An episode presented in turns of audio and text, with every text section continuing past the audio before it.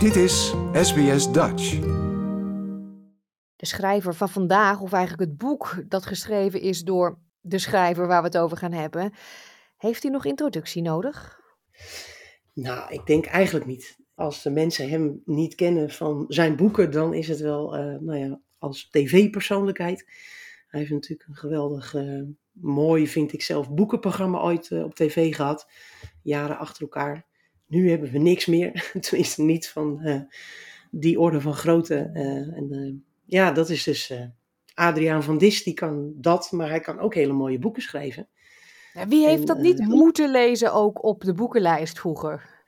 dat zal ongetwijfeld, ja, het ligt misschien een klein, klein beetje aan welke leeftijd je dan bent. Hè, want hij is natuurlijk zelf al 76 en hij schrijft al heel wat jaren mooie boeken.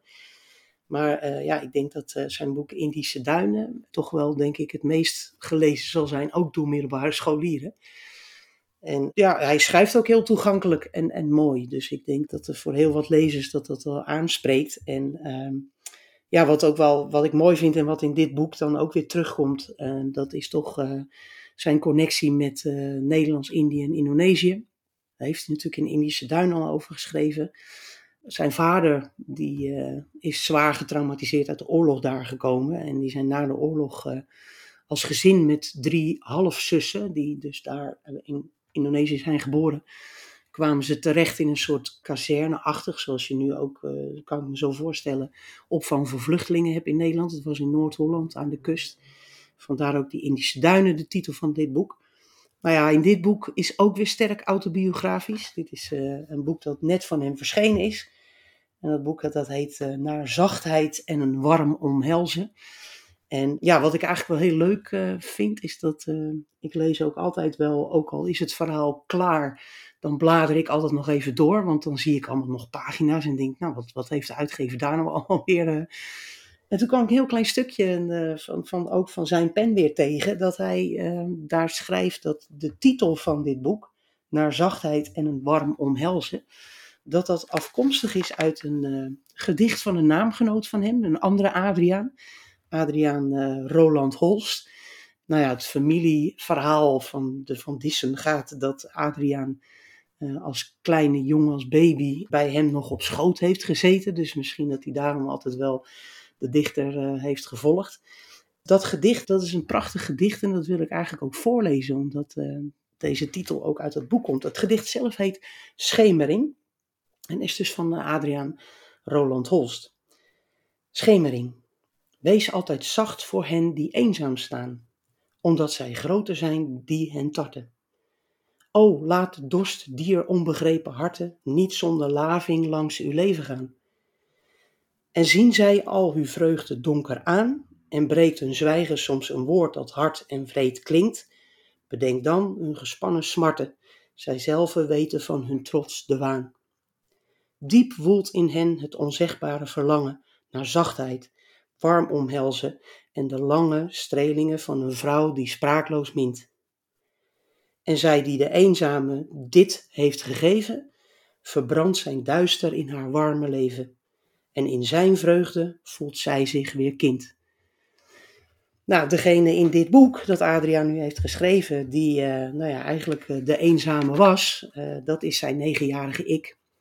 Hij woont dan in die opvangsituatie en zijn vader tyranniseert eigenlijk het gezin vanwege al die trauma's uh, die hij heeft te verwerken. En zijn moeder ziet eigenlijk dat dat uh, Adriaan geen goed doet, want ja, een negenjarig jongetje kijkt natuurlijk op naar zijn vader als voorbeeld. Dus die, ja, die zit vol galbulten en die is heel gespannen. Dus die moeder die bedenkt dan, nou laat ik Adriaan voor de zomer maar naar mijn vader sturen. Want dat is een hele rijke, wat oudere herenboer, die uh, eigenlijk binnen is, zou je kunnen zeggen. Die woont in een uh, stad, ja, de naam van de stad wordt niet genoemd in het boek, maar ik kan me zo ergens voorstellen dat dat in een beetje een Brabant-achtige omgeving is. En uh, die man, dat is nogal een beetje een kille, oude, nou ja, man die niet, van niet veel woorden. Maar gelukkig voor Adriaan woont bij hem in een meid voor dag en nacht, zoals dat vroeger werd genoemd. Zij heet Jans en zij slooft echt voor uh, deze man. Dus ze werkt heel hard, houdt alles netjes schoon, heeft een moestuin, maakt het eten, naait de kleren, doet alles. En heel bijzonder hebben die twee toch ook met elkaar wel hè, op af en toe momenten heel, gaan ze liefdevol met elkaar om. Want dan lezen ze samen bijvoorbeeld s ochtends de krant met elkaar. En dat kan Van Dis ook dan weer heel mooi beschrijven, dat je zo bijna poëtisch. Nou ja, en wat er eigenlijk gebeurt is dat deze Jans, die heeft uh, ook heel veel liefde te geven. En ja, die vindt het geweldig dat Adriaan komt logeren. De thuissituatie van Adriaan was eigenlijk altijd heel kil en koud. En bij haar, ja, zij omhelst hem. Zij wast hem, zij geeft hem lekker eten, bakt pannenkoeken voor hem en naait uh, knappe kleren voor hem. Dus ja, heeft het daar ontzettend naar zijn zin. En het mooie is, is ook dat Jans eigenlijk de verpersoonlijking is van wat die in dat gedicht staat. Want die trekt ook altijd uh, de bijzondere eenzame mensen in die stad ook naar zich toe. Ze in de keuken waar ze leeft van dat grote huis. Daar is iedereen welkom. En daar komen van allerlei mensen binnen die vaak dan ook weer getraumatiseerd zijn door de Tweede Wereldoorlog. Dus die hebben dan of in het verzet gezeten of gevangen ergens. Dus Adriaan die vangt wel wat, wat flarden op van dat soort verhalen. Maar ja, die begrijpt natuurlijk niet zo goed uh, wat er gebeurd is precies. Dat is hem nooit verteld. Want ja, hij is natuurlijk als kind... Uh, um, heeft hij dat soort verhalen niet te horen gekregen. Maar ja, zijn fantasie gaat er wel op, op de loop met de flarden van dat soort verhalen die hij opvangt. En dan maakt hij tekeningen over. En hij krijgt ook, uh, en daar is hij heel blij mee, van Ommi, want hij noemt Jans ook Ommi. Krijgt hij een verrekijker. En daar staat een, uh, een naam op, Mares. En hij denkt dan dat dat het merk is van die verrekijker. Dus hij noemt het ook zijn Mares. Maar dat blijkt dan weer een verzetstijder geweest te zijn, die ook daar ondergedoken heeft en waar Ommi dus ook voor zorgde. Dus dat verhaal komt ook langzamerhand eigenlijk zo voorbij in dit boek. Um, en wat ook wel heel erg bijzonder is, is dat, nou ja, Adriaan die heeft het daar natuurlijk erg naar zijn zin. Ook al doet zijn opa wel heel kil tegen hem. Want die vindt hoe Omni met hem omgaat allemaal maar meidengedoe. Dus die wil een echte man van hem maken. Dus dan moet hij ook leren schaken en zo. En nou ja, goed, dat, dat, dat komt allemaal niet zo heel erg aan bij Adriaan. Dus hij is ook liever met, met Ommi. Maar wat ik ook heel bijzonder vind aan het boek, dat het is allemaal komt, alles al bij elkaar, is dat uh, eigenlijk dat voorbeeld dat Ommi eigenlijk geeft, dat altijd iedereen welkom is. Dus ook een mevrouw die mank loopt en ook een, een, een verstandelijk beperkte zoon heeft, tot nou ja, iedereen, daar zorgt ze voor. En uh, nou ja, dat, dat, dat komt ook terug weer in het boek, want Adriaan die beschrijft dan alleen niet die periode dat hij als negenjarig jongetje bij... Uh, zich kon laven aan de liefde van Ommi. Maar hij schrijft ook um, stukjes in dit boek. En daar neemt hij, zoomt hij eigenlijk uit. En dan is hij de schrijver die dit boek ook op dat moment aan het schrijven is.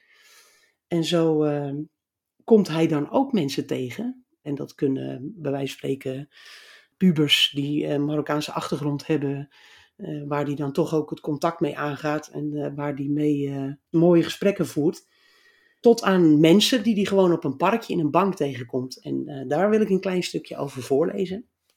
Ja, voordat je dat doet, hè, vraag ik me af, want je gaat dus nu een stukje voorlezen.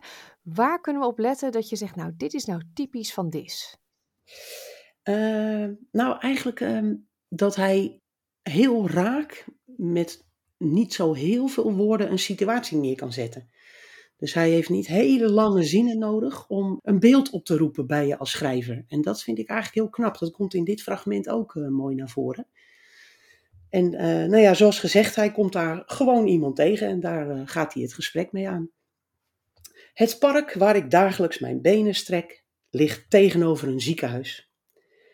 Tijdens de bezoekuren haasten fietsers zich over de geteerde paarden richting een grote draaideur, bos bloemen in de hand boodschappentassen aan het stuur en sommigen het mondkapje op. Overdag zoekt ook verplegend personeel de bank op om hun telefoon te lezen of een straaltje zon te pikken. Een donkere vrouw kwam naast me op mijn vaste bank zitten. Vriendelijk gezicht, zelfverzekerd. Ik zag witte dokterskleren onder haar open jas.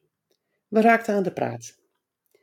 Ze ontsnapte even aan de drukte en de dood oncologie, heel zwaar. Ze excuseerde zich voor haar accent. Portugees was haar moedertaal. Haar ouders vluchtten uit Mozambique. Twaalf was ze toen. Er heerste een vreselijke burgeroorlog in ons land. Mensen slachten elkaar af. Wij woonden in Beira. De verminkte lijken spoelden aan op het strand. En elke avond hoorde je explosies. De velden lagen vol mijnen. En wij sloten de luiken. Ik werd beschermd, getroost. En we spraken er niet over. In Nederland kreeg mijn vader voor het eerst last van de oorlog. Hij schreeuwde in zijn dromen. Maar ik was vol levenslust, leerde een nieuwe taal, school was spannend. Ik dacht zelden aan de oorlog. Alleen als we vrienden kwamen eten, vielen er wel eens beladen woorden. Steeds vaker. Het strand, de avondklok, de ontploffingen, ze vullen mijn hoofd. En nu schreeuw ik in mijn dromen. Ach, mevrouw, maar daar schrijf ik nu juist over. Ouders geven oorlogen door, of ze het willen of niet.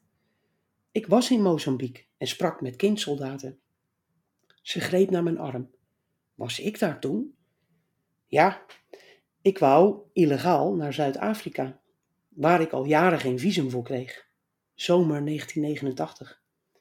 Ik belandde midden in uw oorlog, per ongeluk. Een moordende koude oorlog met Russen en Amerikanen op de achtergrond. U kent het spreekwoord dat toen rondging in uw land. Waar twee olifanten vechten, leidt het gras het meest. De Mozambicanen waren het gras. Tranen welden in haar ogen. We omhelsden elkaar. Twee wandelaars die elkaar bij toeval op een bankje treffen. Kinderen zien alles, zei ze, en kinderen onthouden alles. Nou ja, en dit, uh, wat ik net zei, ik vind het heel knap, want het, nou ja, het is nog geen twee pagina's, maar hij zet een setting neer waar, nou ja, ik zie het al helemaal voor me op die manier. En het is eigenlijk ook in een dialoog in een hele korte tijd dat die twee levens dan verweven raken. En dat, dat vind ik eh, heel erg knap van uh, Adriaan van Dis, dat hij dat kan. Ja, en tegelijkertijd als er zo'n geweldig gedicht onder deze roman ligt, waar dit dan ook steeds weer in terugkomt. Hè? Want dit is ook eigenlijk precies dan weer wat uh, Roland Holst eigenlijk in het uh, gedicht eigenlijk wel bedoeld heeft. En ja, dan, als ik dan zelf als lezer ook weer uitzoom en ik zie dat wij nu in de wereld steeds meer achter onze schermen kruipen en dit soort gesprekken eigenlijk nou zeker niet meer voeren met mensen die we niet meer kennen, denk ik nou, Adriaan, uh, een wijze man op leeftijd, die laat ons gewoon zien uh, hoe het moet. En ja, ik kan me niet voorstellen dat dit hele boek zit hier vol mee, dat je krijgt ja, een heel warm gevoel en je kent hem natuurlijk ook, dus het is bijna alsof hij het boek aan je voorleest. Ja, daarom vond ik dit een uh, prachtige leeservaring en daarom ook een uh, dikke aanrader. Ja, de negende roman van Van Dis, als ik het goed heb gelezen. Ja, um, naast verhalenbundels en essays. Uh, ja, precies, klopt. dan uh, heeft hij natuurlijk veel meer geschreven. Maar qua romans, de negende, uh, waar staat hij dan in het rijtje? Je noemde al Indische Duinen, dat is een klassieker. Dat, dat, daar kom je niet zo dichtbij meer, denk ik, als schrijver dan. Nee, ja, en dat, dat is toch wat meer een wat meer beschrijvende, hè, wat, wat, grotere tijd die dat, die roman bestrijdt. En dit is natuurlijk wat, een wat kleiner werkje als het ware. Hmm. Maar tegelijkertijd denk ik ook dat, wat ik net zei, hier zit dan toch ook iets meer van een boodschap in. Het ligt er niet heel duimendik bovenop hoor, maar dat, ik denk dat je dat als lezer sowieso wel meekrijgt. En uh, hij is in alles wat kleiner. Hij heeft minder woorden nodig om dingen heel raak neer te zetten. En daar zie je dan ook wel een ontwikkeling in bij hem. En nou ja, dan vind ik het eigenlijk heel moeilijk om te zeggen van ja, wat, welke is nou de beste. Rotvragen. Dat is heel lastig. Ja, ach, omdat je, ja, het is een beetje appels en peren vergelijken met elkaar. Dus ik, uh, en dit is natuurlijk nu, omdat als je het net hebt gelezen, zit dat heel vers in je hoofd. En dan vind je dat natuurlijk prachtig. Je hoeft geen antwoord te geven. Maar we kunnen wel concluderen, Adriaan van Dis, 76, still going strong. Zeker, ja. En ik hoop dat hij dat nog jaren zal blijven doen. Like, deel, geef je reactie. Volg SBS Dutch op Facebook.